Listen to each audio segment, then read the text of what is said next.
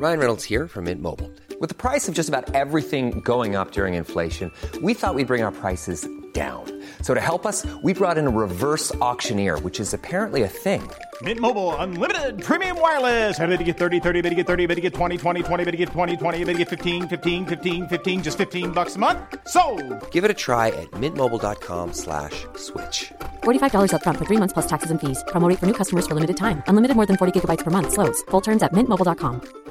I'm Sandra, and I'm just the professional your small business was looking for. But you didn't hire me because you didn't use LinkedIn jobs. LinkedIn has professionals you can't find anywhere else, including those who aren't actively looking for a new job but might be open to the perfect role, like me.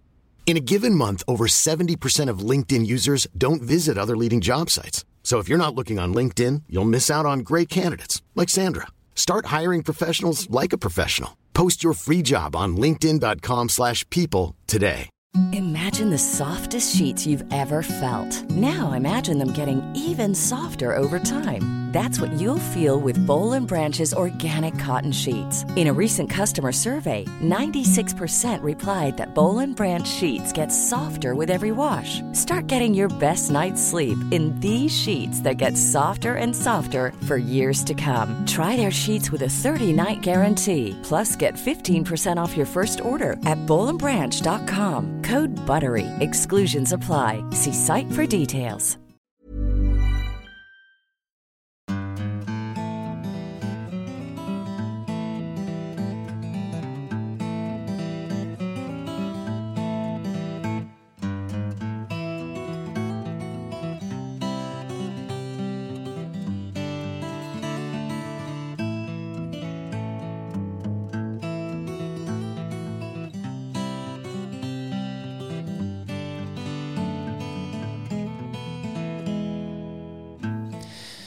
Hjertelig velkommen til en ny episode av Hall og knall-podden. Og i dag er det mandag igjen, det drar seg mot jul. Og litt seinere i dagens episode så skal du få eh, høre om en heldig patron som har vunnet en liten julegave fra oss. Og du skal få eh, høre Rasmus Hansson som forteller mer om hvorfor han vil sette bånd på katten.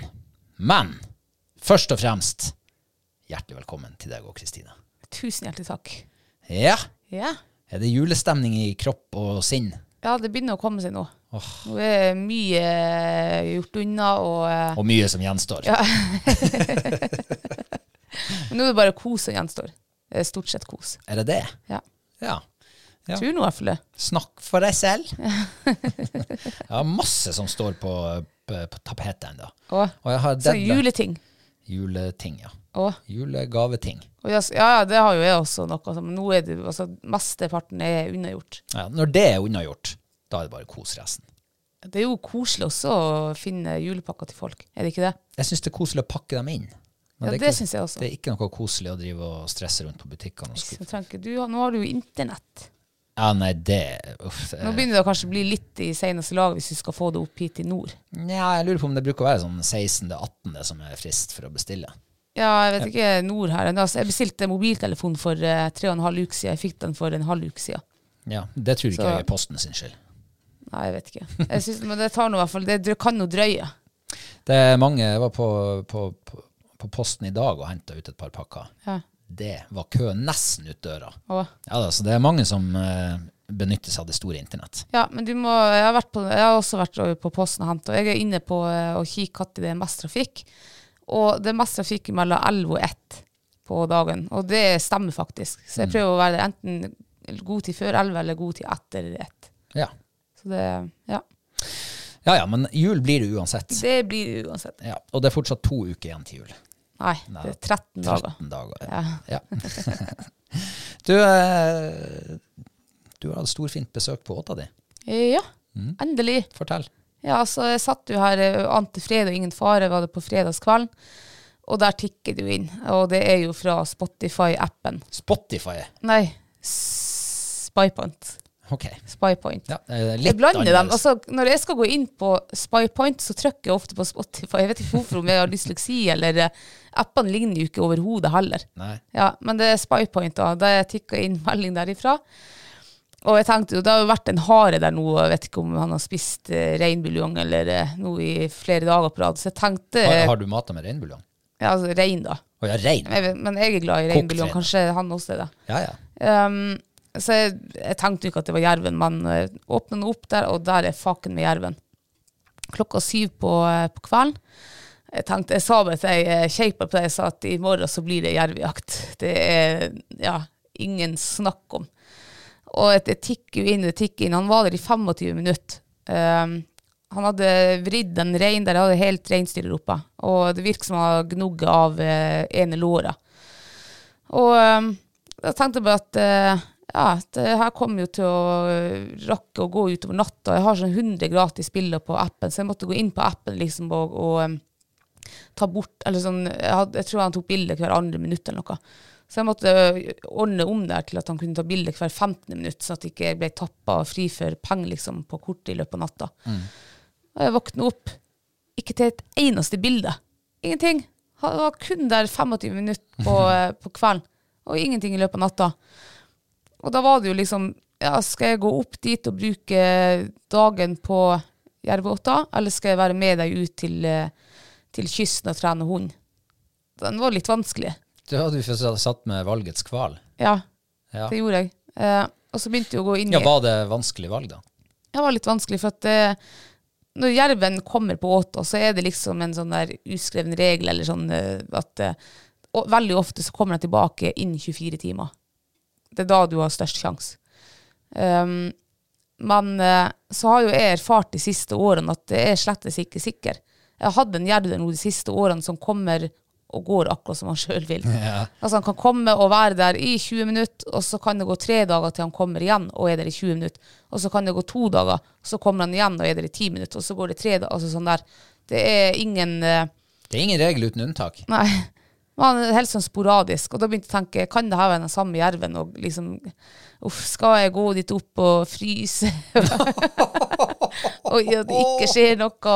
Oi, oi, Ah, da, Du, du begynner å bli gammel. Og, Ja, jeg begynner å bli gammel. Ja. ja. hadde det vært for ti år siden, så hadde jeg for litt opp. Du hadde sutt- enda sittet der Jeg hadde enda sittet der nå. Hadde, jeg hadde sittet der til han kom tilbake. Det er altså så artig når jeg begynner å tenke tilbake til Ja, det er som du sier, da vi møttes, Mm. da hadde du gått opp. Du hadde foren samme kvelden, du. Ja, ja, for Og samme. sittet der hele natta, hele dagen etterpå. Du, satt, ja. til du hadde måttet hakke deg løs fra jervebua der. Yes. Ja. Jeg husker jeg har kjørt fra Lyngen når jeg bodde hos deg, og på kvelden. Og jeg har sittet der oppe et døgn, og jerven ikke har kommet. Mm. Det hadde ikke jeg gjort nå, for å si det sånn. Um, så- Hva har skjedd? Du har mista deg sjøl på veien. Du er ikke, du er ikke jervejeger. Nei, men jeg tror når man blir litt eldre, så blir man litt for komfortabel. Ja, det er nok det, ja, det Ja. det. Så, Trives godt att med ovn. Ja, med fyr i så, peisen. så har du det der i bakhodet med den jerven som har vært de to siste årene. At uh, han er Altså, den uh, Ja. Han har ikke noe Han er helt sånn sporadisk. Du, det der kalte gamlingene i gamle dager for eh, Altså, hvis mennesker oppførte seg sånn, Ja. så for de rundt som noen trådløse jarnsteiner. Ja. Ja, og det er sånn der, du, du har ingen kontroll. Nei, og den her gjør det. Mm. Jeg vet ikke hvordan, om han holder til i Finland, kanskje, at han går dit bort med, med reinsteiken til familien sin, eller, eller til seg sjøl. Ja. Om han har fryseboksen der, kanskje. For at han bruker i hvert fall to-tre dager. Så hvis, hvis nå i hvert fall denne teorien stemmer med den jerven som har vært der de to siste årene, så skal han altså komme i morgen. Ja. Skal han være der igjen, ja. For det var, ja, det var lørdagskvelden var det han hadde. Nå er jo ulempen litt eh, med at du, du har veldig lite hjelp i lyset. Ja, det er sant. For du har jo, du har jo eh, ja, du har skytelys kanskje fire-fem timer om dagen på dagtid. Ja, du har litt mer der oppe. Du har fra halv ni til halv tre. Ja, da, På der oppe si i høyden. seks timer, da. Ja. Og så, eh, er det jo ikke måne nå. Det er jo bare Nei. en stri, stripe. Og det var en annen ting som også slo inn med det her, at skal jeg opp dit, ja da kan jeg sitte der til klokka halv tre, da har jeg skytelys, og så må, og så må jeg gå, eller jeg må ikke gå ned der, jeg kan jo sitte der i, i 18 timer og vente på neste sjanse, liksom. Det gidder jeg jo ikke. Um, så det, Men det er jo godt å ha mer enn ett alibi, da. Ja ja. Ja, at, eh, Flere unnskyldninger. Ja, Så det var ikke bare den der jerven med den trådløse, trådløse Nei. Det var faktisk Du, den eneste gangen nå på de to siste årene at jerven faktisk har hatt eh, Altså har vært der inne hele tida, det var i fjor, eh, to dager før jeg skulle gifte meg. Da sto jeg nede og så ordna bryllupslokalet, mens jerven var på åta til alle døgnets tider. Renska. Ja, du skal tro, da var nest, Det var nesten så jeg holdt på å avlyse bryllupet. Ja. Da var han der en gang hver tredje time, liksom. Ja, Men, men var, eh, var han der på selve bryllupsdagen? Nei. Nei, det Da, var godt. det var veldig godt. Ja. jeg, jeg tror ikke det, nei. nei. Og før det så har han jo vært der eh, i romjula, når det har vært jaktfredning de to siste typisk. julen før det, da. Yes. Da har han, og da har han jo vært der også hele tida. Ja. Og rensker. Så jeg regner med at han vet jo, han vet jo sikkert eh, datoene og klokkeslettet, denne jerven der. Men så er det jo et annet lysfenomen som kan hjelpe deg, og det er jo nordlyset. Og Ja. det vet man jo aldri om det kommer eller ikke. Nei, man gjør jo ikke det. Er det klorvær, så er det jo store sjanser den kommer. Men allikevel så bytter jeg tilbake til der hm, Jerven var bare der i en periode eh, på 25 minutter på eh, kvelden, liksom, før. Fra om det var syv til halv åtte eller noe. Og da, når jeg våkner opp på morgenen da, og jeg ser at den ikke har vært i løpet av natta eh, Det endte med at jeg ikke dro opp til Jervåte. Og det er jeg jo glad for nå, for han har ennå ikke vært der. Er bilde, altså, han ja, jeg fikk et bilde igjen i går, og det var fra den haren. Så jeg ser nå i hvert fall at eh, reinsdyret er nå der oppe. Han har ikke klart å røske det løs fra, fra um, vaieren, holdt på å si. Ja. Men eh, det kommer jo sikkert flere sjanser. Ja, jeg får håpe det. Mm. Jeg har nå lyktes best i eh, første halvdelen av desember, Ja. alle gangene. Ja. Det er Mm. vel rundt 16. desember du har skutt i de jervene du har skutt. Gjett. Jeg har skutt begge jervene 9. desember. 9. Ja. ja. Da er du passert, så da kan du slappe av det, neste Var det 9. på lørdag? Ja. Ja. Da ser du, ja. Neste år, 2024, så skal jeg sette meg opp i Jervåta den 9. desember. Nå er du overtroisk. Men eh, det var ikke det at det var noe dårlig eh, alternativ da, til å sitte på Jervåta. Den, den lille turen vi fikk ut på kysten og trene hund. Altså, på denne tida av året, jeg sier det hvert år, og det, jeg slutter ikke å bli fascinert av det, det lyset som er Mm. altså, Det er så utrolig rått. Det er sånn fargespill, og ikke Ja. bare på sørhimmelen, men det, endrer seg fra minutt til minutt. Mm. Det, var, det, det var kaldt, det var, det var litt sur vind her og der, men det var ganske klart vær på, på søndag. Mm. Eh, og vi gikk der i fin sne, og, og lyset endrer seg fra minutt til minutt. Ja. Og når det liksom du, du kommer dit, det er akkurat begynt å bli sånn ordentlig lyst, altså i den grad det er ordentlig lyst her på denne tida. Ja. Eh, og så er det sånn her oransje sånn hvelving i sør over fjellene. Eh, og så blir det liksom sånn, de blir kaldere og kaldere jo lenger opp på himmelen du kommer, og når du snur det mot nord og ser, så er det sånn her kaldt lys, sånn blåttaktig lys, lill, litt lilla skjær. Ja, Det, jeg, synes, jeg må si det jeg syns som er fint mot nord, da, når det er sånn lilla, mørkeblått eh, mot nord, så er ofte eh, fjellene mot nord litt sånn gul. Ja, Skikkelig fin sånn kontrast mot den her lilla, mørkeblå i himmelen. Og det var det jeg skulle komme til. For det at eh, når, når sola kommer nærmere horisonten, og det, der, det, det blir til slutt sånn sånn ildoransje i sør, Ja. så speiler det seg på fjellene. Ja. Og det speiler seg i havet. Og det er så rått. ja, det er Det er så syke kontraster. ganske fint da ute på kysten. Ja. Ja. ja det, uff, jeg, jeg knipsa bilder der, men et bilde klarer aldri å, å gjenskape det man ser med øynene. Nei, Jeg tror jeg, jeg tror jeg begynner å bli gammel. du også. Ja. Det er deg jeg blir påvirka av. Er det det? Ja, ja. Det må jo være det. Jeg var ikke sånn der gammel før jeg møtte deg. Nei. Men Det var i begynnelsen av 20-årene, da. Ja, nå er du snart midt i 30-årene. Nei, i begynnelsen av 30. ja, nei, men det var jo fin, eh, fin eh, Hva jeg skal si Fint eh, plaster på såret. Ja. Det var ikke et sår engang. Nei, det var, nei, det var det ikke. Eh, Det kommer flere muligheter. Men det er artig at han eh, endelig har vist seg. Mm. Det, så da er han her.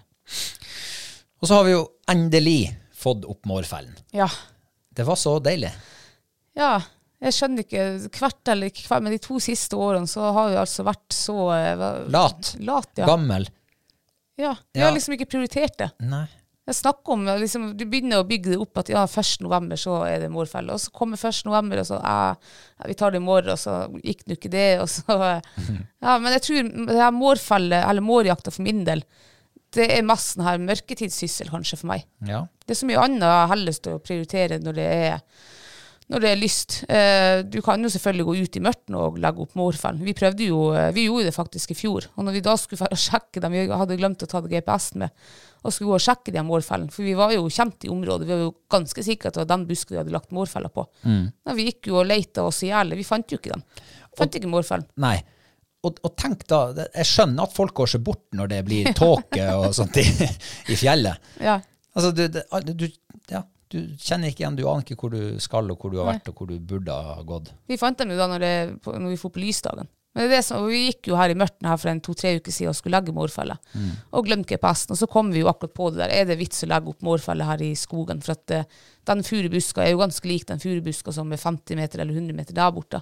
Og vi sporene snør igjen. Og, Ja. ja, så, men vi Men- fikk dem opp. Ja, men da, eh, for 14 dager siden, så var det jo, hadde det jo også snedd ganske heftig en dag eller to. Så det var jo eh, 20-30 cent med nysnø, og det hadde Ja. slutta å sne samme morgen. Ja. Uh, og det var jo også litt sånn der Er det noe vits å gå og sette opp fella litt sånn på måfå? Du hadde jo vært der noen uker tidligere og sett at det var nedtrødd av, eh, av mårspor i skogen her. Og vi kom dit, det var ikke et spor. Nei. Det var noen elger som hadde vært og trødd der.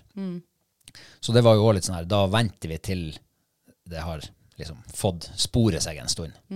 Og det var jo så mye spor nå. Ja, det var, Jeg har aldri sett så mye mårspor før. Jeg var helt nedtrykt. Ja. Det var Både store og små og ja. og eh, heldigvis så ville jo eh, moder jord at vi, at vi skulle finne fine, gode trær å sette dem i. Rett attmed der mårspor. Alle mårsporene har gått rett forbi de fellene vi har satt opp. Jeg har så klokkertro nå. Ja, det er det også. Og jeg tror det, det her er jo også liksom eh, ja, in the backyard. Liksom. Her har jeg sett orrfugl nå i, for første gang siden vi flytta hit, i skogen. Ja. Jeg har sett for første gang eh, rypespor her. Og, uh, så det blir veldig spennende å se om vi får tatt ut litt mår. Jeg har sett mye mårspor nå i, eh, siden snøen kom. Snøen kom jo ganske tidlig nå i høst, i begynnelsen av oktober. Ja, det gjorde det. Så jeg har, jeg har sett mårspor over hele Reisedalen. Ja. Det er så mye mårspor. Og, ja. Så det blir jo eh, fint å, å eh, få tatt ut litt, sånn at den her eh, stakkars skogfuglen og, og, og annet eh, småvilt klarer å Mm. ja, forbedre Eh, og eh, vi la jo ut på, eh, på storyen vår at vi hadde vært og satt opp feller. Og da ramla det jo inn med flere meldinger fra andre som også hadde mår, eh, måropplevelser. Ja, okay. Blant annet Niklas, Ja. som sendte video. Han hadde altså filma ut av stuevinduet eh, hjemme hos mora si, eh, der hun hadde altså en mår som var på bordet, rett på yttersida av stuevinduet ja. og åt eh, kveldsmaten sin. Hver dag.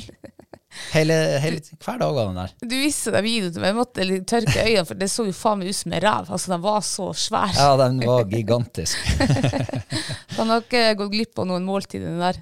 Han inviterte oss egentlig ned dit og eh, sette mårfellene litt lenger eh, sør. Nei. Og på dialekten å dømme så tror jeg han er fra Nordland. Ja, OK. Eh, men den får både sjokoladekake og bolle eh, hver dag. Hver en dag. De må ha sånn høy BMI da, den morgenen. ja, overvektig. Og så han Gisle som eh, hadde fått um, mårfelle i julegave i fjor oh, ja. hos eh, kjæresten. Eh, en til seg sjøl og en til ungen.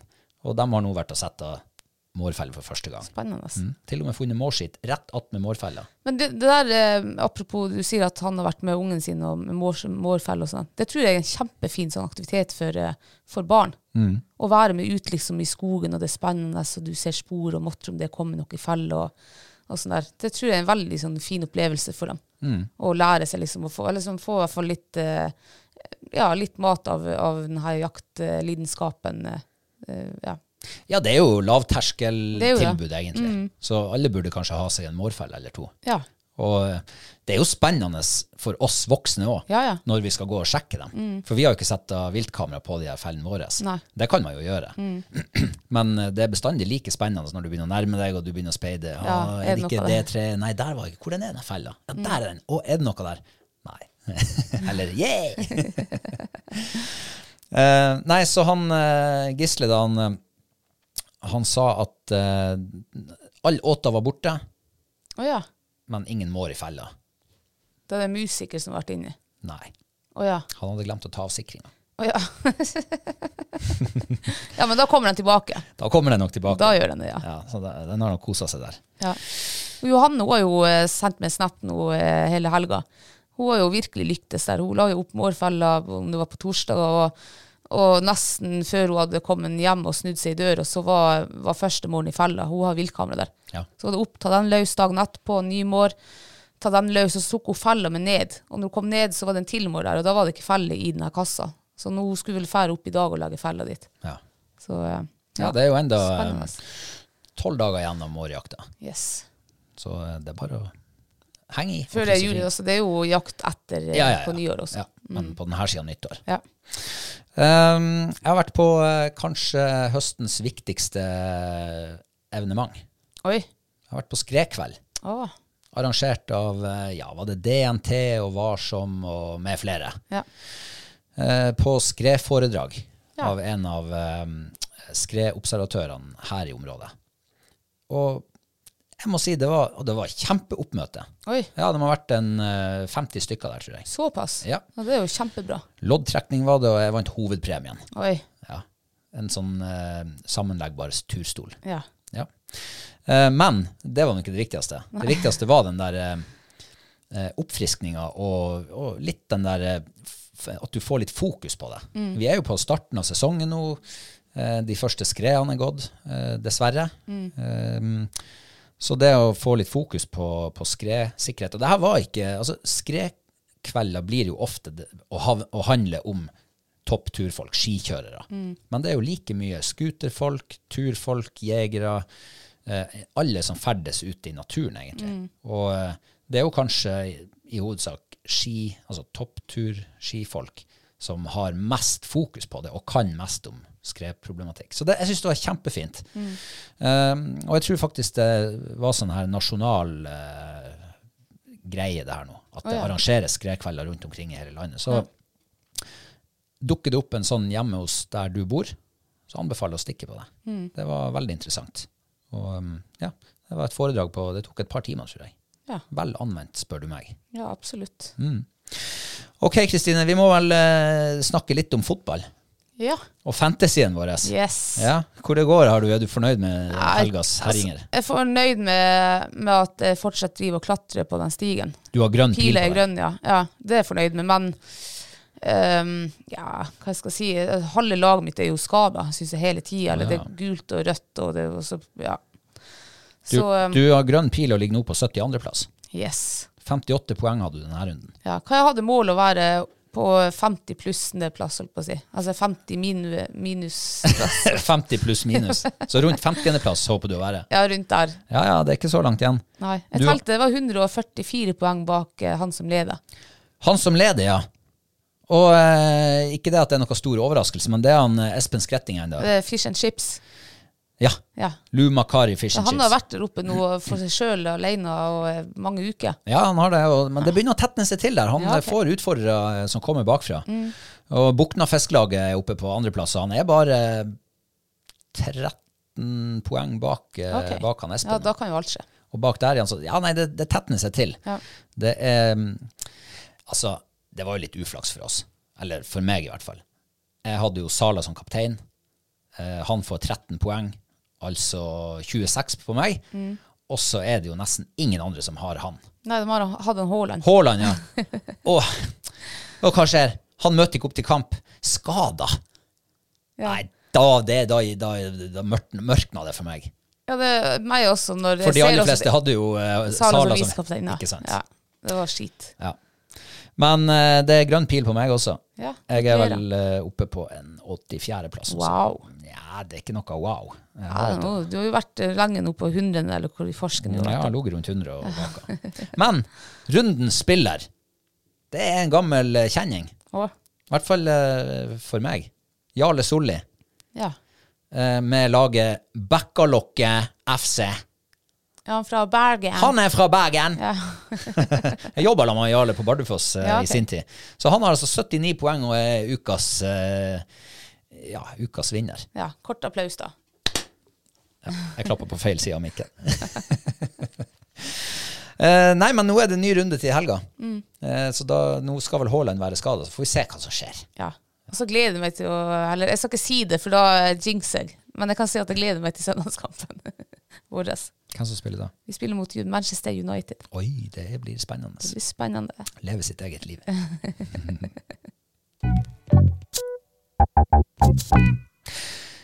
Ja, vi skal ta et lite tilbakeblikk på ukas mathøydepunkt. Om det finnes noe. Ja. Ja, Har du eh, klart å kåre en vinner? Altså, jeg måtte jo gå inn i meg sjøl, og så kom jeg jo på at jeg har spist seks ganger fisk denne uka og én gang kjøtt. Og kjøtt, det? Du slår et slag for global oppvarming? Nei, jeg slår et slag for fryseren vår. Ja, det er Ja, for eh, all fisken slag, ja. er vel derifra. Eh, vi spiste svinekam i går eller overgår, men Ikke, det var ikke svinekam, det var røkt svinekam. Ja, det var ikke- Klassisk søndagsmiddag og festmiddag fra 80- og 90-tallet. ja, det Det ble høyre. servert i konfirmasjonen min, Åh, og jeg tror nesten ikke jeg har spist det siden. Nei, Så det, det var- skjønner jeg veldig godt. Gjør du det? Ja, for det var, jeg det var Jeg likte ikke den der sure røyksmaken på det, men det kan godt hende at, det- at svinekam egentlig er godt, men det Mm. her kjøttet vi hadde, det var ikke godt. Men jeg glemte jo det viktigste tilbehøret av alt. Ja, jeg vet ikke om det hadde så mye å si, den der Surkål. Ja. Ja, det må være surkål. Tenk at jeg glemte å ta opp surkål. ja. Og derfor blir jo ikke det her noe mathøydepunkt for din del. Det, var ikke, det sto ikke på surkål. Det gjorde det ikke. Nei. Men jeg skulle, ja, det blir det ikke. Så da var det jo seks fiskeretter. Mm. Og jeg husker jo ikke hva, hvordan fisk jeg hadde spist. Jeg husker bacalao, for den varmer meg opp i dag. Ja, Um, Var den god? ja, altså den var god, men uh, fisken var jo altfor salt. Så det, så det blir jo ikke den heller. Men så kom jeg på at jeg lagde jo en sånn her torsk med chorizo-salsa og blomkålpuré i forrige uke. Ja. Og den var skikkelig god. Jeg har aldri eh, spist blomkålpuré før. Og eh, den var, altså, den var helt fantastisk. Den var mye bedre enn potetpuré og egentlig alt annet puré jeg har spist. Men det passer veldig godt til det her også. ja. Det passer. Den var veldig sånn uh, mild og rund og fin i smaken. Kompletterte Ja. Mm. Den der eh, kraftige chorizo-salsaen, Ja. sausen. Og så er jo torsk eh, fiska i, i Reisafjorden i juli måned. Den var jo Ja. fantastisk. Ja, nydelig. Ja. Så det blir mitt eh, ukas mathøydepunkt. Ja. Mm. Men den var ikke så vanskelig å lage heller. Nei, det gikk ganske fort. Ja. Ja. Mitt mathøydepunkt eh, det er en rett som jeg har Ja, jeg lukter det. Du gjør det. Ikke nå. Lukter det. Lukter hva du skal si. Ja, men du lukter ikke det nå. Ja, det faen meg, det lukter hver gang jeg går inn i grovkjøkkenet, for du har jo hevet restene dit inn. Det er rakfisk. ja. Altså, alle skulle hatt en onkel som produserer rakfisk. For eh, det er høstmat for meg. Ja. Eh, ikke for ofte. Og det, for min del så er det jo vanskelig å få tak i. Mm. Eh, jeg er prisgitt den her eh, han onkel, onkel Rolf. ja. Og han eh, slår jo ofte et slag for mattradisjoner. Jeg måtte spørre han når han kom og leverte rakfisken på, på torsdag. Så sa jeg, du, hvorfor gjør du det her egentlig? Nei, han, jeg slår et slag for rakfisken. Det er, det er en tradisjon som uh, altfor få driver med. Og det her er, det er jo liksom en, en rett som stammer fra indre Østland, oppe i dalene, oppe i fjellene der. ja, det er jo litt sært her nordpå, liksom. Ja, det er jo det. Men det er sikkert ikke særere enn uh, gammelsei fra nordlandskysten, eksempel. Ja, det er noe bra sært, det også. Ja, ja, ja. De kaller jo det for Nordland, eh, Nordlands rakfisk. Oh, ja. Ja. Rødseien. Den gammelseien. Ja. Mm. Eh, nei, eh, jeg, mitt forhold til rakfisk starta på eh, 2000-tallet, når jeg jobba på Bardufoss. Eh, da hadde vi en kollega som var fra ja, Valdres en eller annen plass. Og han innførte rakfisklag. Ja. Så da var det hver eh, høst så var det rakfisklag i, i messa. Og det var sånn når du åpna døren inn til messa, så slo den der stanken imot deg. Halvparten snudde og gikk hjem. Nei, det Kanskje første gangen. det, det lukter jo eh, forferdelig. Ja, det gjør jo det. Og da han uh, onkel kom hit uh, og sette fra seg på bordet, så, så kom jo han Reborn eh, og skulle hilse på. Og jeg sa til han Reborn nå må du pelle deg bort herfra, for du kommer ikke hit til det første du gjør, og så og fjerte. Så jeg huta han bort, men han Rolf sa at eh, nei, nei, nei, nei, det er jo ikke han, det er jo fisken. Stakkars. Så vi smakte på den da. Ja. Eh, veldig enkelt med flatbrød og rømme og sånn. Men når vi lagde det dagen etterpå, med alt det tilbehøret med løk og purreløk og sennepsaus og hva mer vi hadde, rødbeter, og, og, og vi lagde potetlomper sjøl. Åh, det var godt. Vi lagde jo sennepssausen også sjøl. Alt sjøl. Ja. Nei, det, det var stas. Det var, altså, det var sånn her, jeg, jeg klarte nesten ikke å stoppe å ete. Jeg holdt på å sprekke til slutt. Det var så mett. Ja. Så rakfisk, mm, I love it. Og vi har en middag igjen av det der. Ja, det, men jeg vet ikke nå, for Du skulle egentlig ha pakka det bedre inn eller lagt det på en annen plass. For at eh, jeg gruer meg veldig til å spise rakfisk nå i helgen når vi skulle gjøre det. På grunn av eh, jeg har ikke- spist det nå på et par år. Og så når du åpner, det lukter jo gammel-Erik av den der. Ja. Eh, det gikk noe greit. Sånn, eh, ja, det var godt, var det, men eh, jeg tror jeg har noe sånn psykisk oppi hodet som sitter sånn, eh, og som jeg sliter med. Og det Altså et psykisk problem. ja, med den rakfisken. og det er et psykisk problem. Det forsvinner ikke. Det blir bare forverra for hver gang jeg går inn på grovkjøkkenet vårt, for da lukter det der. Så jeg vet faktisk ikke om jeg klarer å ete det der en gang til. Um, på grunn av eh, Jeg vet det høres sikkert jævlig barnslig ut. Ja, det høres veldig bar skikkelig barnslig. barn. Ja, det er Ja. barnslig. Men jeg kan ikke noe for det. Jo, det, du kan gjøre noe med det. Du kan jobbe med det sjøl og legge Nei, bort for- de der tankene, og så Jo, men nå er jo mat også Mat er ikke bare smak. Mat er også lukt og uh, syn. Ja, det ser jo veldig godt ut. Det her var jo rakfisk laga av pukkellaks. Ja. Og den, den der fisken her hadde jo en helt særegen farge. Det var sånn der Lilla farge, nesten. Ja, sånn der, eh, du vet, sånn, sånn som når du plukker moltebær seint på sesongen Mm. på fjellet. Så blir det en sånn der en, eh, midnight gold-aktig lilla rosa farge. Helt fantastisk. Jeg syns det så dritlekkert ut. Ja. Så eh, ja. Nei, altså, jeg, trenger ikke selskap for et rakfiske. Nei. Men p- potetlompen var jo god. altså, nå, altså, det var Det var eh, Det var jo godt sånn, men jeg sier jo, jeg tror jeg sliter mer sånn psykisk enn enn, eh, at eh, Men hvis de nå hadde satt det i en tett boks, da, og så kanskje at jeg hadde sluppet å lukte det der, Ja. så kanskje da at det er For nå har jeg jo prøvd det nå, og så kanskje jeg er tøffere neste gang. Ja, det, Jeg skal se om jeg finner en bedre boks. Ja. Og når det, vi, alle våre vennekrets skriver at eh, uff, dere er et råtten fisk, så det hjelper ikke på det psykiske problemet mitt. Faktisk. jeg kjenner ingen som spiser rakfisk. Og noe enda slekta de et den rakfisken der. Og det tenkte jeg også på. Så jeg var faktisk tøffere for noen år siden da vi åt rakfisk. Ja, men de, de, de aner ikke hva de prater om.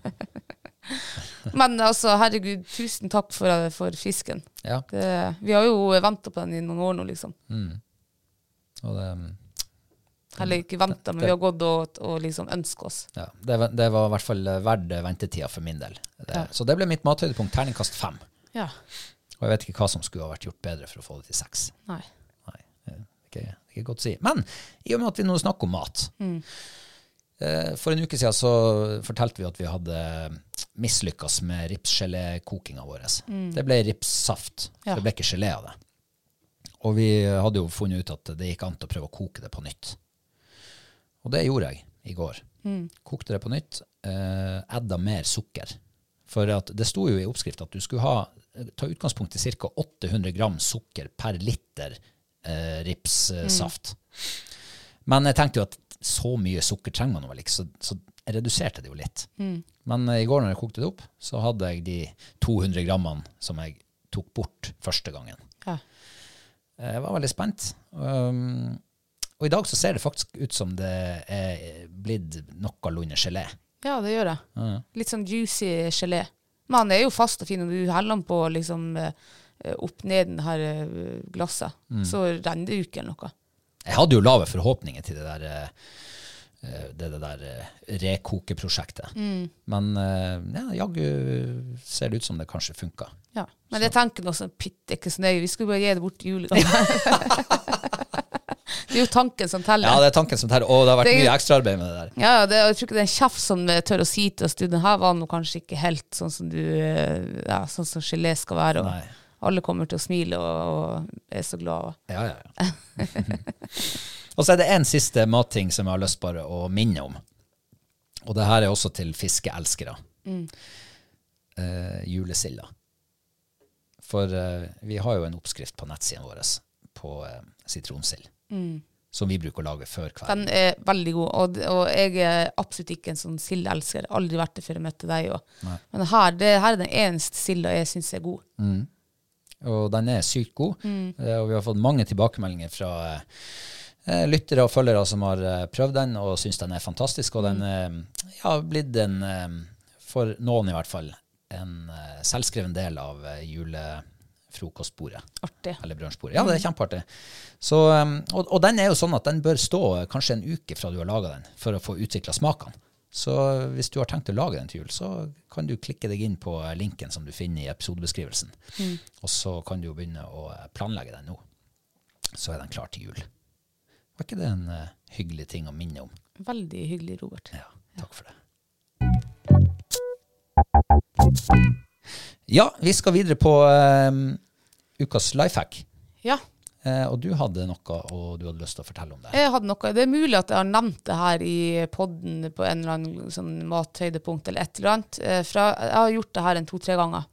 Um, og det er nemlig å koke Altså nå nærmer det seg jul. Eh, 30% av befolkninga eller mer, jeg husker ikke tallene, eter jo pinnekjøtt til jula. Og hva er det liksom det, det du må ha til pinnekjøtt? Jo, det er jo kålrabistappe. Det er jo ingen som lager pinnekjøtt uten det. Nei, men veldig få, tror jeg. Ja, og i hvert fall her nordpå, jeg vet ikke hvordan kålrabistappen der sørpå er, men her nordpå så er det ofte at du går i butikken, og så kjøper du kålrabistappe, og så er den eh, hard, og den er litt smakløs. Kan du og, kjøpe kålrabistappe? Nei, eh, kålrabi. kålrabi. Ja, ja, ja, ja. Jeg trodde du kjøpte ferdigstappe. Nei, nei, nei. nei, Nei, nei. nei, nei. Kål- Kålrabi. Det var godt du avklarte den lille misforståelsen her. Du kjøper også frukten eller grønnsaken i, i disken, og så er den eh, Her er den ofte liksom bleik og hard og smakløs. Eh, Så her i høst, jeg tror det var i høst jeg gjorde det første gang, vi lagde saltkjøtt. Da tenkte jeg jeg må prøve, for jeg har eh, husker han, jeg tror det var han Hellstrøm en gang som kokte poteter i, i eh, grønnsaksbuljong. Og for det skulle liksom gi litt mer sånn arom, aroma, aro- eh, aromatisk smak.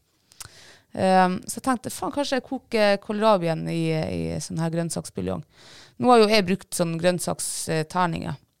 Eh, det er jo det er mye bedre hvis du lager grønnsaksbuljongen sjøl. men jeg har brukt noe terning, og jeg syns jo at den her eh, smaksløse kålrabi- kålrabien ble en eh, ja, ganske eh, god og rund eh, kålrabistappe. Den ble liksom litt rikere på smak og, og ja. Så eh, det er mitt life hack-tips. Hvis du syns kålrabien er kjedelig i år, prøv å koke det i, eh, i grønnsaksbuljong. Ja. Ja. ja. Jeg vet at du ikke var like begeistra for det.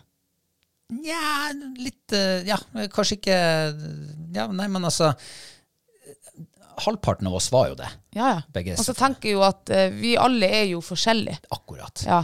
Så, eh, så, men jeg tenker, prøv, prøv det ut hvis du Kanskje ikke gjør det på julaften, da, hvis du ikke syns det var noe. Eh, men vi, sånn som vi, vi skal jo smake, eller ja, prøvesmake pinnekjøtt i morgen. Vi må jo finne ut uh, hvordan pinnekjøtt vi skal handle inn til jul. Eh, og da skal jeg jo lage kålrabistappe. Og da tenkte jeg faktisk å lage um, grønnsaksbuljong fra bunnen av, for vi skal jo faktisk koke pinnekjøttet i grønnsaksbuljong. Ja. Og så blir det sikkert litt grønnsaksbuljong igjen, og det skal jeg kvelde over i kålrabistappen.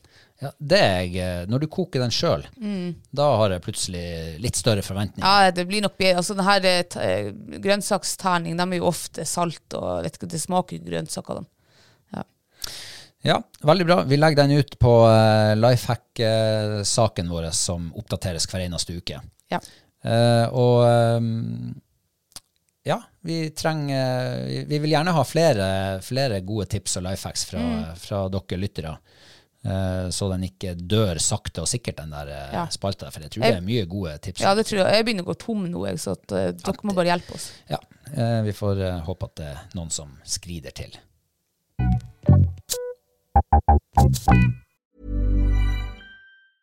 Even when we're on a budget, we still deserve nice things.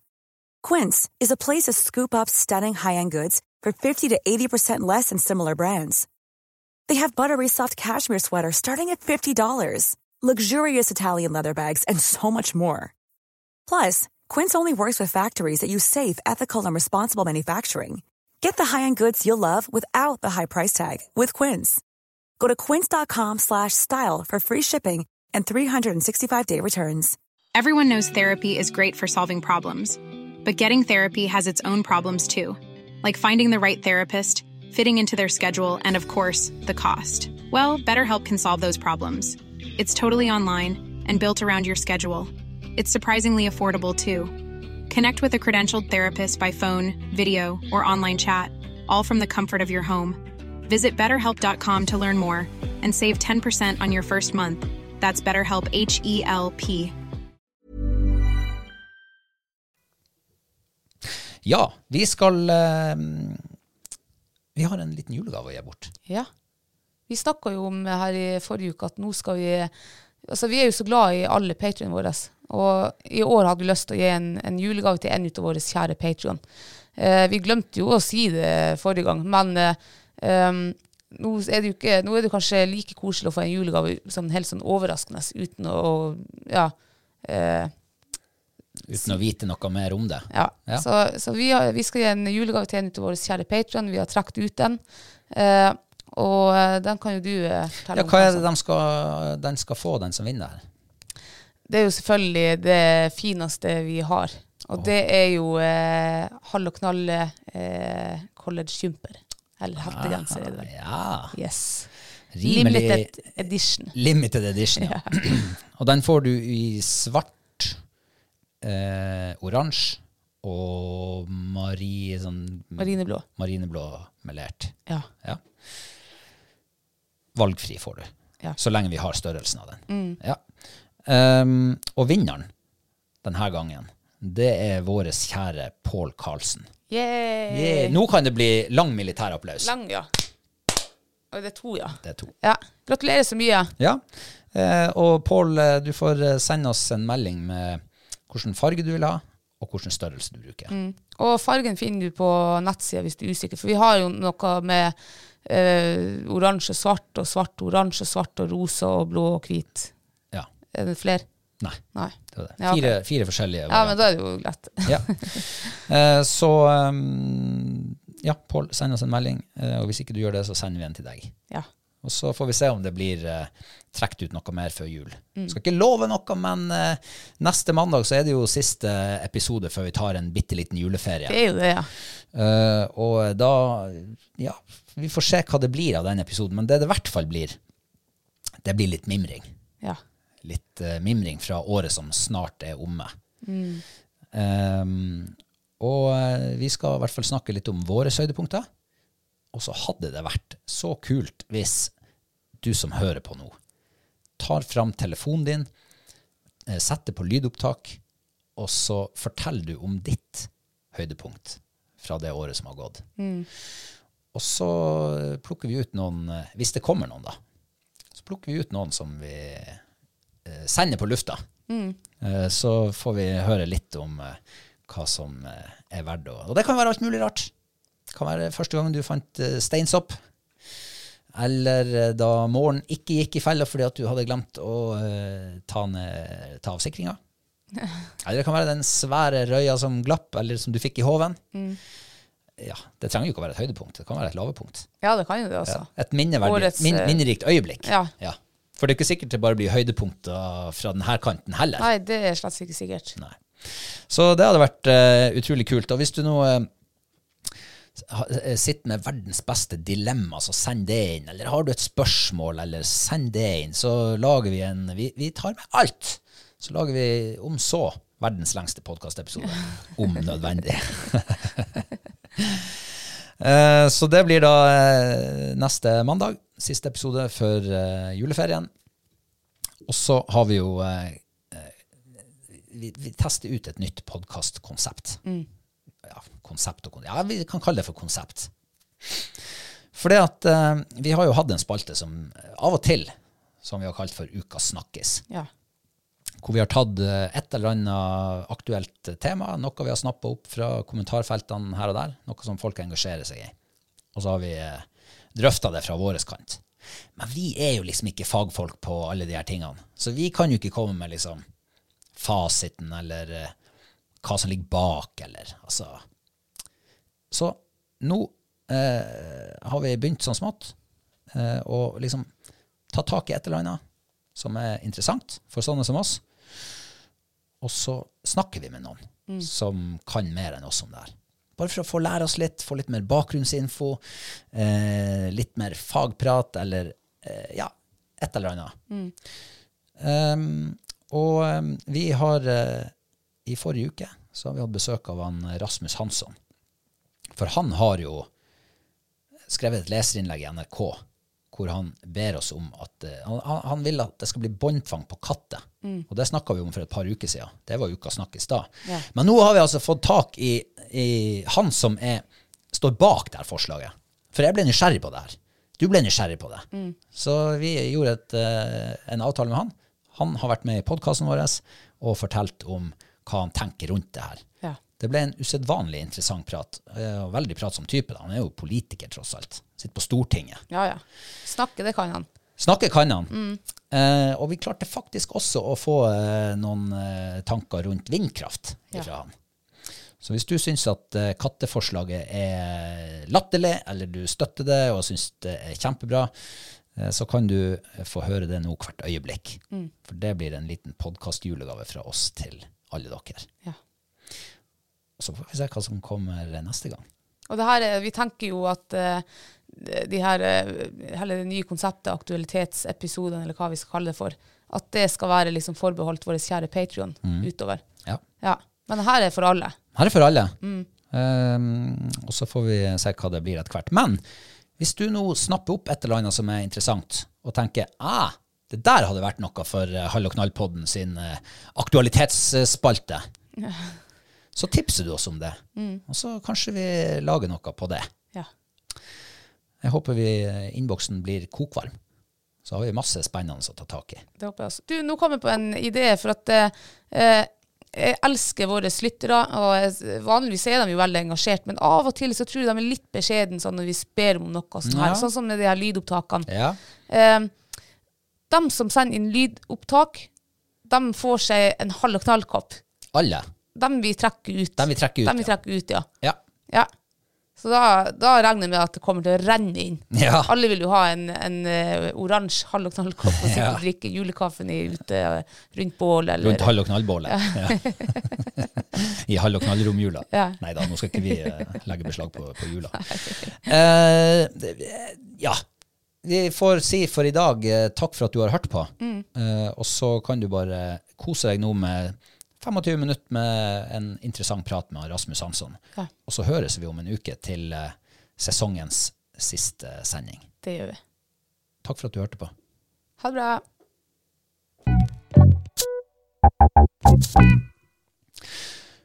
For et par uker siden så kom det et debattinnlegg i NRK fra MDGs Rasmus Hansson, hvor han tar til orde for å sette bånd på katter for å få bukt med at norske katter tar livet av syv millioner fugler hvert eneste år.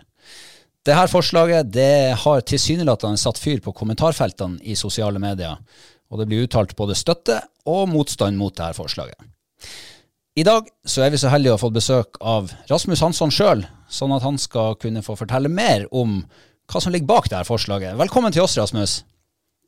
Tusen takk.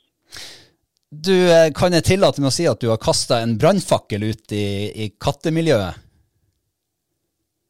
Eh, Det kan du godt si. Eh, Det var ikke det som var hovedpoenget. For meg er hovedpoenget at vi må ta bedre vare på småfuglene som får juling fra alle kanter. Eh, Og mye av det som presser småfuglene, klimaendring, insekter, arealendringer og kanskje resteffekter av miljøgifter som vi ikke helt vet hvordan virker ennå. Alt det der er veldig vanskelig å gjøre med.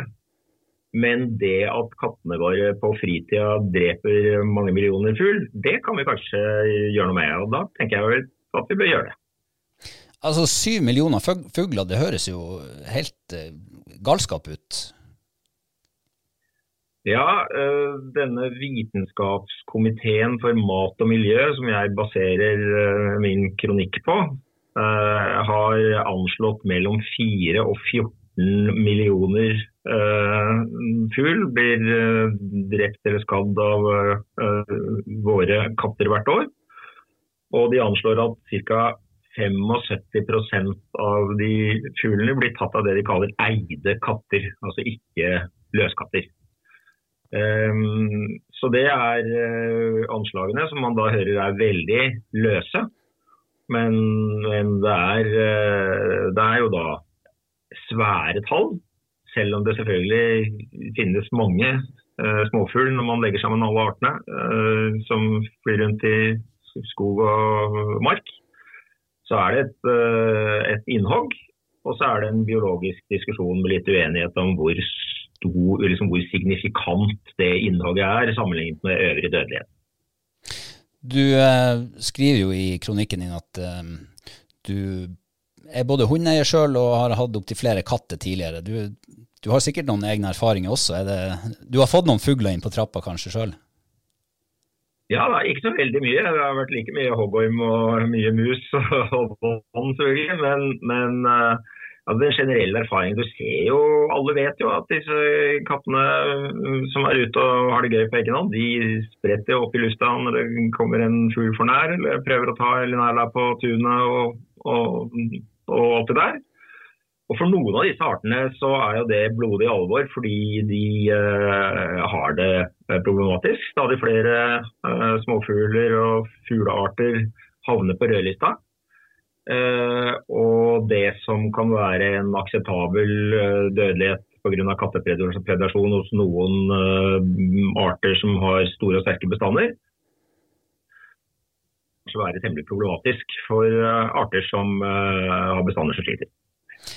Ja, for når man går inn i rødlista og ser, så er det jo, eh, altså det er jo fugler i nesten alle samfunnsklasser, eller i hvert fall alle geografiske områder som er, som er på rødlista. og Mye av det her er jo sjøfugler og vadefugler, men det var mye småfugl og spurv, veldig mye spurv.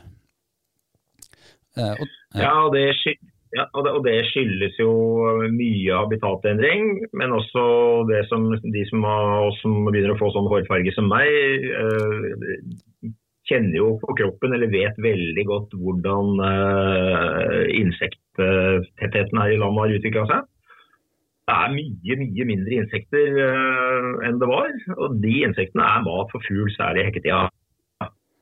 Uh, så den typen problemer kommer da i, i bakgrunnen, og da, da, da blir tilleggspredasjon et, et, faktor som vi må bli mer oppmerksom på.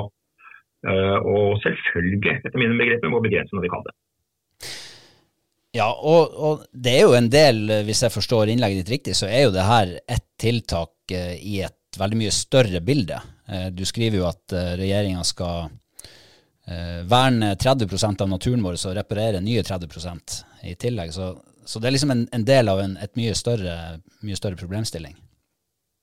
Ja, det er, et, eh, det er, en del av en større problemstilling eh, på to måter. Det ene er altså det jeg har nevnt, er at hvis dette er en av de tingene vi faktisk kan gjøre noe med, eh, som det er lettere å gjøre noe med enn en del av de svære greiene som vi baler med, så er jo det et godt argument for å gjøre det.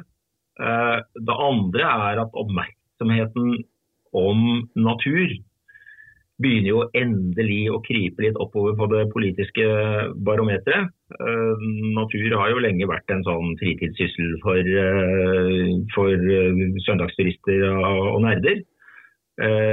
Nå skjønner jo alle at til sjuende og sist så er natur livsgrunnlag, og vi klarer oss ikke uten. og Derfor har altså regjeringen som alle vet vært i Canada har skrevet under den globale naturavtalen som sier 30% vern pluss 30 uh, restaurering av natur innen 2030. Som er helt vanvittig ambisiøst. Det er jo, det klin umulig å klare noe sånt. Men det har altså regjeringen skrevet under på. Og, og, da må vi jo tenke at når regjeringen har skrevet under på noe sånn så spinnvilt som det der, så må det jo være fordi at eh, Jonas Gahr Støre har begynt å tenke at dette er jammen alvorlig, og det må vi gjøre noe med. Og da er vi liksom tilbake til Vel, så la oss gjøre noe med det vi kan gjøre noe med det, i hvert fall. Som en start.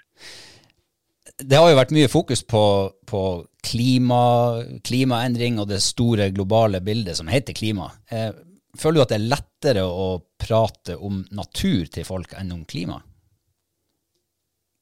Uh, nei. Uh, nei og ja. Altså, nei i den forstand at klima er, liksom, er mye mer teknisk, det er mye mer økonomisk, det er mye mer innarbeidet, det er lettere å måle. Så på en måte er det, politisk det er mer sexy og mer akseptert i næringsliv og politikk, for det er på et vis det passer inn tabellene spurv og trekryper passer jo ikke inn noen tabeller. Eh, det er ikke verdt noe, og man kan ikke måle det, og de bare er der. Og sånn. så, så, det er jo naturens uh, kjempeproblem. at i når politiske beslutninger og økonomiske beslutninger skal tas, er det vanskelig å snakke om natur. Men når du kommer nær nok folk, uh, så veit du at det finnes pilfink i busken uh, i enden av hagen, og det liker de. Og når de får høre at dompap er monogam, mens, mens sånne gjæresmetter er vanvittig promiskuøse, så syns de det er gøy. Og så husker de det. Så det går jo an å, å snakke mer med natur om folk over kaffekoppen enn en klima. Så her er det begge deler. Ja. Eh, men er det andre tiltak som på en måte du ser i, i tillegg til det å, å, å gjøre katta inne, som vil være viktige bidrag, og bidrag som kanskje sånne som oss eh, kan ha et forhold til? Ja, eh, la meg først bare kommentere den gjerde katta inne. For altså, jeg har gjort, én teit ting. Og det er at jeg brukte begrepet båndtvang på katt. Og så tenkte jeg det som som en måte å si at de må ta kontroll over katta vår på. Men så betyr jo båndtvang noe sånn helt spesifikt juridisk, eh, med tidssoner og straff og bot og sånn. Eh, som ikke er hovedpoenget mitt. Eh, hovedpoenget mitt er vi må begynne å ta ansvar for hva kattene våre gjør, på samme måte som vi tar et helt selvfølgelig ansvar for hva hundene våre gjør. Um, og vi må få kontroll på hva kattene våre gjør, på samme måte som vi får kontroll på hva hundene våre gjør. Fordi utgangspunktet mitt var jo Det kunne jo ikke falle folk inn, ikke noen, å akseptere at bikkjer føyk løse omkring halve dagen og drepte og plaget og jagde det de ville og bæsjet i sandkassa til uh, barnehagen. Eh, det er bare no go. Det vil vi ikke ha noe av. Og Derfor spør vi ikke hundene våre om de har lyst til å gå i bånd. Vi setter dem i bånd. Eh, og de av oss som eh, har hatt en hund i bånd og slipper den, de ser jo hva hunden syns om det. Da blir de begeistret og løper sin vei. Eh, så hunder har ikke noe mer lyst til å gå i bånd enn andre dyr. Eh, men de skal. Og sånn er det. Eh, og jeg ser ingen grunn i hele verden til at vi ikke skal ha den samme ansvarsfølelsen for det andre husdyret, nemlig katt. Men så er det mange måter å gjøre det på. Jeg sier En av måtene er når vi trenger å ha kontroll på katta i et område hvor det er fugler. Så ha den i bånd og vente den til det fra den er kattunge. Så går nok det riktig fint, skal du se. Eh, og så kan man ha den innom natta, og så kan man ha kattegårder og, og andre ting som reduserer veldig kraftig, i hvert fall, den tida hvor katter er alene med småfugl. Ehm, men er det andre tiltak som du mener òg kunne, altså ikke nødvendigvis i forhold til, til det med katter, men, eh, men, i forhold til det du snakker om i det store bildet, og, bidra til vern og, av, av, naturen? Ja, altså i det store bildet når det gjelder både fugl og annen natur, så er det jo det, det som vi har mest eh, altså direkte politisk kontroll på, er jo, er jo, hvordan vi behandler arealene våre. Arealene våre er jo altså habitatet eller hjemstedet, bostedet og leveområdene til eh, fuglene og alle de andre dyra. Eh, og vi må selvfølgelig behandle eh, arealene i Norge på en måte som er mye mer bevisst i å opprettholde miljøer som er bra for arter. Um, det er altfor mye frisering og asfaltering og uh, nedbygging uh, som foregår uten tanke på konsekvensene for artene og artsmangfoldet i det området. Og der kan vi bli veldig mye bedre. Og Det er jo også bl.a. det som ligger i denne forpliktelsen som regjeringen har påtatt seg om 30% restaurering av uh, naturmiljøet innen 2030. Dvs. Si stable biomangfoldet på beina igjen i områder som vi helt unødvendig har eh, gjort til monokulturer og, og eh, dårlige eh, livsmiljøer. Da er det jo fristende å spørre hva tenker du om vindkraftutbygging? Det er jo veldig på agendaen eh, om dagen. Og det gjør jo det motsatte av det du eh, beskriver nå.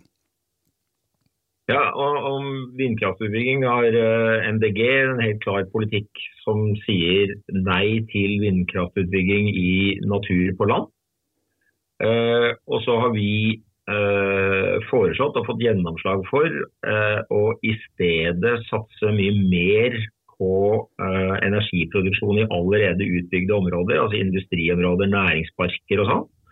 Hvor det går an å produsere mye energi med null eller veldig lite ødeleggelse fra sol og vind og jordvarme og integrerte løsninger. Dette er i ferd med å skje. Det fikk flertall på Stortinget og er i, er i farta på en veldig bra måte. På den måten kan vi produsere mer strøm på land uten å sette opp nye vindparker. Og så er det selvfølgelig svære muligheter for, for energisparing og effektivisering, oppgradering av vannkraftverk og alle disse tingene. Så er jeg og vi i MDG tilhengere av uh, havvindutbygging. Fordi vi mener at det kan gjøres på en mye mye mer skånsom og til og med kanskje positiv måte for miljøet. Fordi inngrepene er små, og mulighetene for at vindparker samtidig kan være marine verneområder som gir oppvekst oppvekstmuligheter for eh, marint liv i områder som har vært ganske hardt kjørt eh, av fiskerier og andre ting. De mulighetene er store.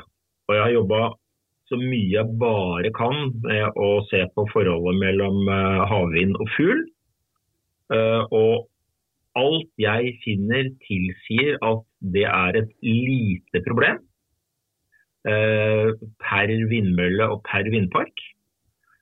Og så er jeg samtidig bekymret likevel, fordi planene om havvindutbygging er så kolossale at selv om effekten, den negative effekten per uh, vindturbin er liten, så kan summen likevel bli uh, ikke ubetydelig.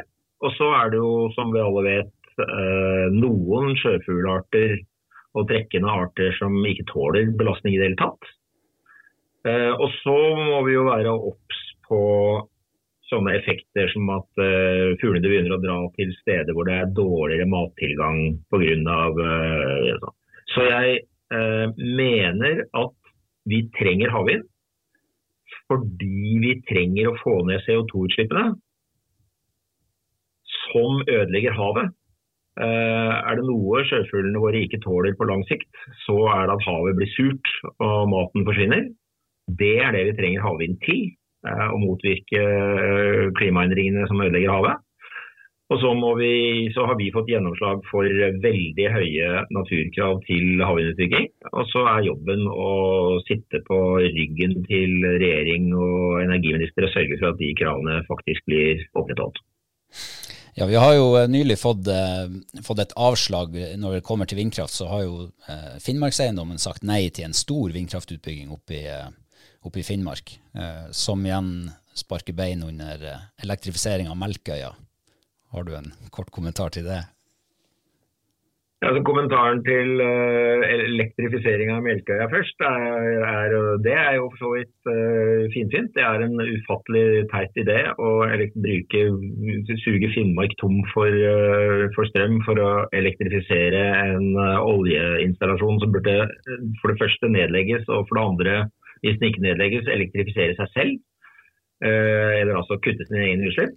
Det å bruke strøm fra land til å, uh, til å fikse oljenæringas utslipp er en utrolig dårlig idé. Det ødelegger for det grønne skiftet, det setter et enormt press på norsk natur.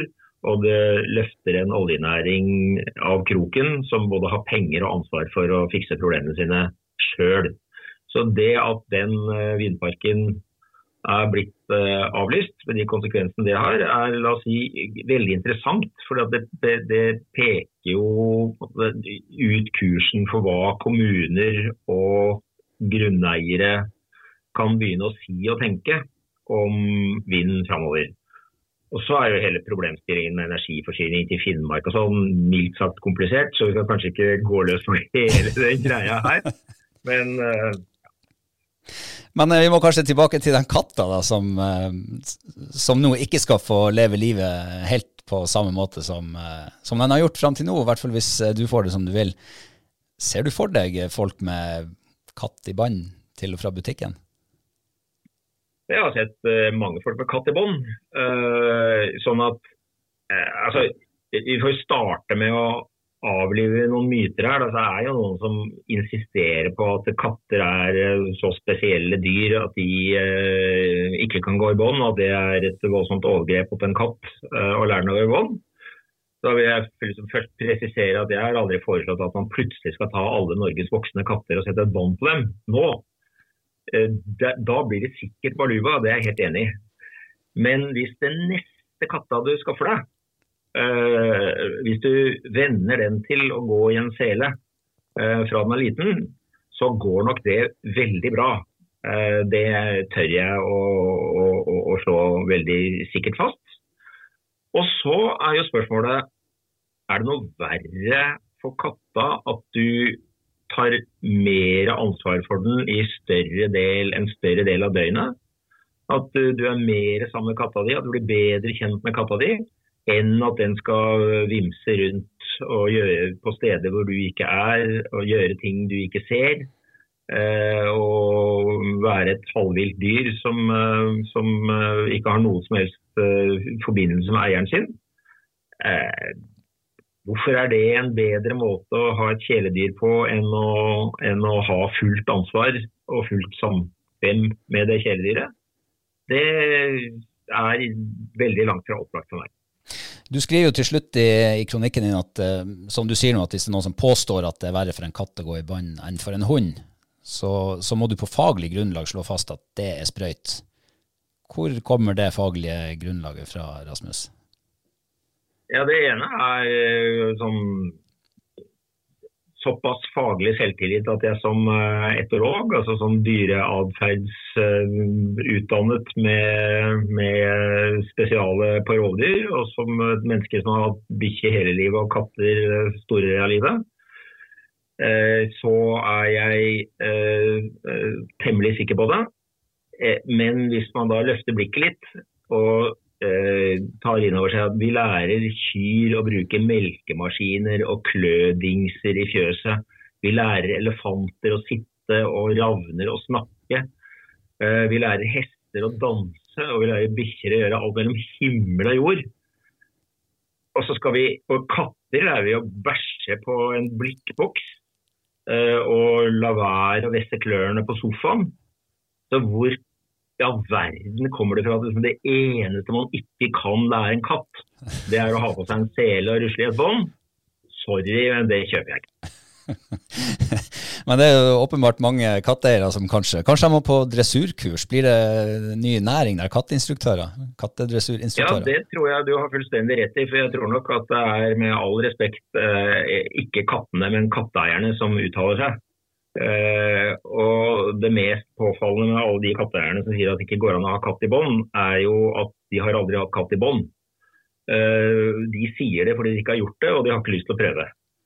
Um, og Det er jo ganske vanlig med oss mennesker. At vi, når det er noe vi ikke har lyst til å prøve, så finner vi masse argumenter mot å prøve det. Men, men uh, den empirien som de bygger påstanden om at katten ikke kan gå i bånd på, den er jo mildt sagt eh, tynn. da. Eh, særlig ettersom hvis du søker på nettet eh, etter bilder av katt i bånd, så får du massevis av bilder av katt i bånd. Så det går tydeligvis eh, ganske greit. Er det her et, det et, et, forslag, det her, eller er det høyttenkning fra din side? Ja, det er først og fremst en oppfordring om at vi må gidde å tenke at vi skal ta ansvaret for, eh, for våre egne husdyr, når vi vet at de gjør eh, stor og helt unødvendig ugagn i en natur som får for mye juling, og som vi eh, har bestemt oss for at vi skal behandle bedre. Da må vi eh, gidde å gjøre de tingene som er lette å gjøre. Og én ting som er lett å gjøre, det er å lære eh, neste vesle pusten du får, eh, til at du skal ha litt mer kontroll på. Og at du eh, i hvert fall eh, sørger for at den ikke går løs alene på steder hvor det er eh, småfugl. Og særlig hekketida og alt det der.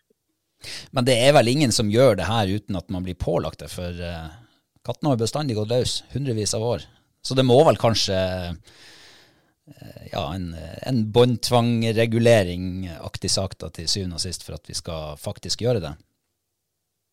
Ja, altså kanskje det og kanskje ikke. Og det var jo den mest grunnleggende tanken med eh, mitt innlegg. At eh, man får i hvert fall si det og sette i gang debatten. Og få en del folk til å tenke at dette er jo i grunnen riktig, jeg kan ta det ansvaret selv. Og det er ikke noen sånn kjempestor belastning. Og så får vi se hvor mange som gjør det og hvor mange som ikke gjør det. Men, uh, men eh, fram til nå så har det jo ikke engang vært en debatt om det. Um, nå er det kanskje blitt en liten debatt, også her i denne podkasten din. Uh, og da får vi jo håpe at mest mulig kan gå av seg selv. Uh, men jeg har også sendt et spørsmål til uh, klima- og miljøministeren, som jo er ansvarlig for disse småfuglene og spurt hva han har tenkt å gjøre for å hindre at 4-14 eh, millioner småfugl blir tatt av tamkatter som folk ikke har kontroll på hvert år. Jeg er veldig spent på hva han kommer til å svare på det. Men det svaret jeg ikke fått ennå. Det blir veldig spennende å se hvordan, uh, hvordan vending denne debatten tar, og om det faktisk blir noe endring. Det blir spennende. Eh, men det er mange folk og mange organisasjoner der ute som eh, ikke behøver gjøre så veldig mye for at eh, forskjellen kan bli veldig stor for småfuglen, som vi jo gjerne vil ha levende og ikke det. Det kan vi være enige om, Rasmus. Og da vil jeg egentlig bare til slutt takke deg for at du tok tida til å prate litt om det her. For det, det er jo noe som mange av oss, i hvert fall hundeeiere, føler er kanskje litt rart at uh, våre hunder, som du helt riktig poengterer, går i bånd. Fra de er bitte små til de uh, avgår. Men ikke en eneste katt. Nei, sånn er det. Men kjempefint at du tar opp dette i podkasten. Og alle dere som hører og ser på, dere får jo hoppe ut i debatten på den ene eller den andre måten, og så får vi se hvor det bærer. Takk skal du ha.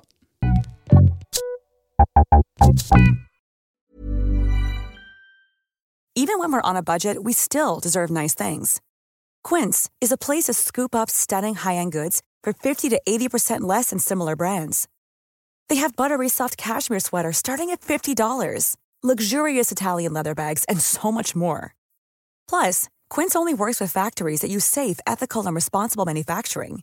Get the high-end goods you'll love without the high price tag with Quince. Go to quince.com slash style for free shipping and 365-day returns. Imagine the softest sheets you've ever felt. Now imagine them getting even softer over time. That's what you'll feel with Bowl and Branch's organic cotton sheets. In a recent customer survey, 96% replied that Bowl and Branch sheets get softer with every wash. Start getting your best night's sleep in these sheets that get softer and softer for years to come. Try their sheets with a 30-night guarantee. Plus, get 15% off your first order at bowlandbranch.com. Code BUTTERY. Exclusions apply. See site for details. Hi, I'm Daniel, founder of Pretty Litter. Did you know cats tend to hide symptoms of sickness and pain? I learned this the hard way after losing my cat, Gingy. So I created Pretty Litter, a health monitoring litter that helps detect early signs of illness by changing colors, saving you money and potentially your cat's life. Pretty Litter is veterinarian developed, and it's the easiest way to keep tabs on your fur baby's health right at home. Go to prettylitter.com and use code ACAST for 20% off your first order and a free cat toy. Terms and conditions apply. See site for details.